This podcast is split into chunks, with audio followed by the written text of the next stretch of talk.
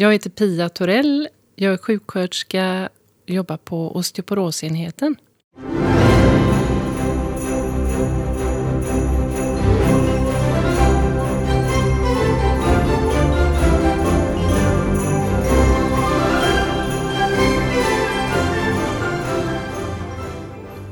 Osteoporos är en vanlig sjukdom som drabbar personer över 50 år, i synnerhet kvinnor. Idag finns bra medicinsk behandling och förebyggande åtgärder som hjälper till att bromsa nedbrytningen av skelettet och därigenom minska risken för frakturer, kotkompression och smärta. Osteoporosenhet Göteborg är en resurs för vårdgivare som har vårdansvar för osteoporospatienter och patienter i riskgrupp för benskörhet. Enheten finns till för att förbättra och stötta hälso och sjukvården att identifiera personer i risk och tidigt diagnostisera patienter. Det finns också till för att utveckla nya rutiner och riktlinjer för att öka tillgänglighet till vården och säkerställa att de patienter som identifieras får tillgång till bästa möjliga behandling.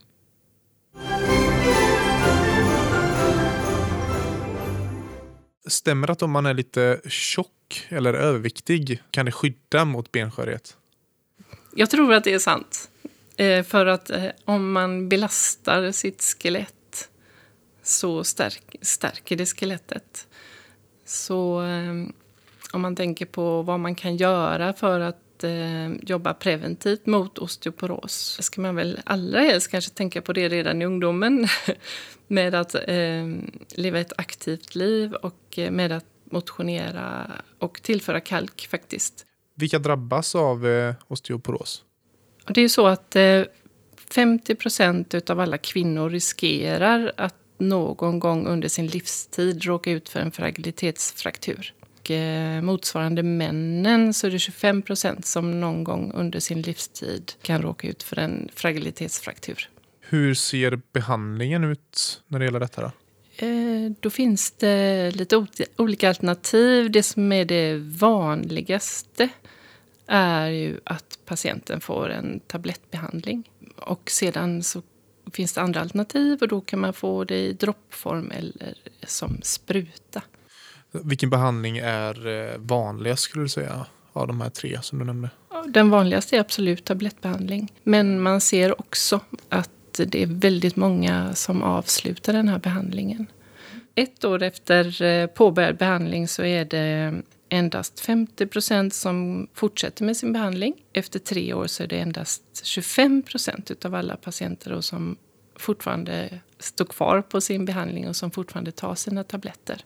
Så det är någonting som vi känner att det är någonting som vi verkligen kan jobba med. Vad, vad är det som beror på att man inte fortsätter med sin behandling? Det vet vi inte riktigt, men vi, vi tänker att det kan vara många olika anledningar. Dels att man inte har fått tillräckligt med information om hur viktigt det är. Eh, eller att man faktiskt ska fortsätta, även om tabletterna tar slut så ska man ringa till sin vårdcentral och be att få förnyat recept. Sedan så är det ju det här att det, den kan vara lite svår att svälja sedan då att man ska komma ihåg att ta den en gång i veckan och att det är de här eh, reglerna runt omkring den då med att sitta upp och så vidare. Vilket uppdrag har ni på osteoporosenheten idag? Vårt uppdrag är att förbättra och effektivisera den befintliga frakturkedjan som finns mellan slutenvården och primärvården. Och eh, då vill vi också att fler patienter med diagnos ska få och de, vi vill också att de ska fullfölja sin behandling. Sen så vet vi också att det finns många patienter som har osteoporos men som inte vet om att de har osteoporos. Men då vill vi ju att identifiera de patienterna. Ja, så vi jobbar med att försöka titta på hur vårdcentralerna jobbar med de här patienterna. Och så försöker vi då identifiera om de har något behov av stöd. Vad är viktigt att tänka på när man möter patienter med osteoporos? Det, man ser ju inte att en patient är osteoporotisk, som man säger. Inte förrän det kanske är, man har ett väldigt långt gånget sjukdomsförlopp. Alltså, och då är det väl främst då om osteoporosen har drabbat ryggkotorna i nacken så att man får en väldigt framåtböjd form. Det, och det är ju ett väldigt allvarligt tillstånd för då påverkar ju det de inre organen såsom lungorna. Så att eh, det är ett eh, livsfarligt tillstånd helt enkelt. Oftast, oftast så är de ju inte så sjuka utan det är ju det att de får tänka mycket på i sin vardag. Till exempel hur gör jag när jag bäddar sängen, när jag dammsuger? Hur gör jag för att vara rädd om skelettet? Då? Har du något tips till övriga vården som möter patienter med eh, osteoporos? I mitt arbete som osteoporoskoordinator så har jag eh, lyssnat på många eh, duktiga människor i Sverige som kan mycket om osteoporos, som jobbar ute med patienter och deras upplevelse är ju ofta tyvärr att just osteoporosen kommer, kommer verkligen i sista hand.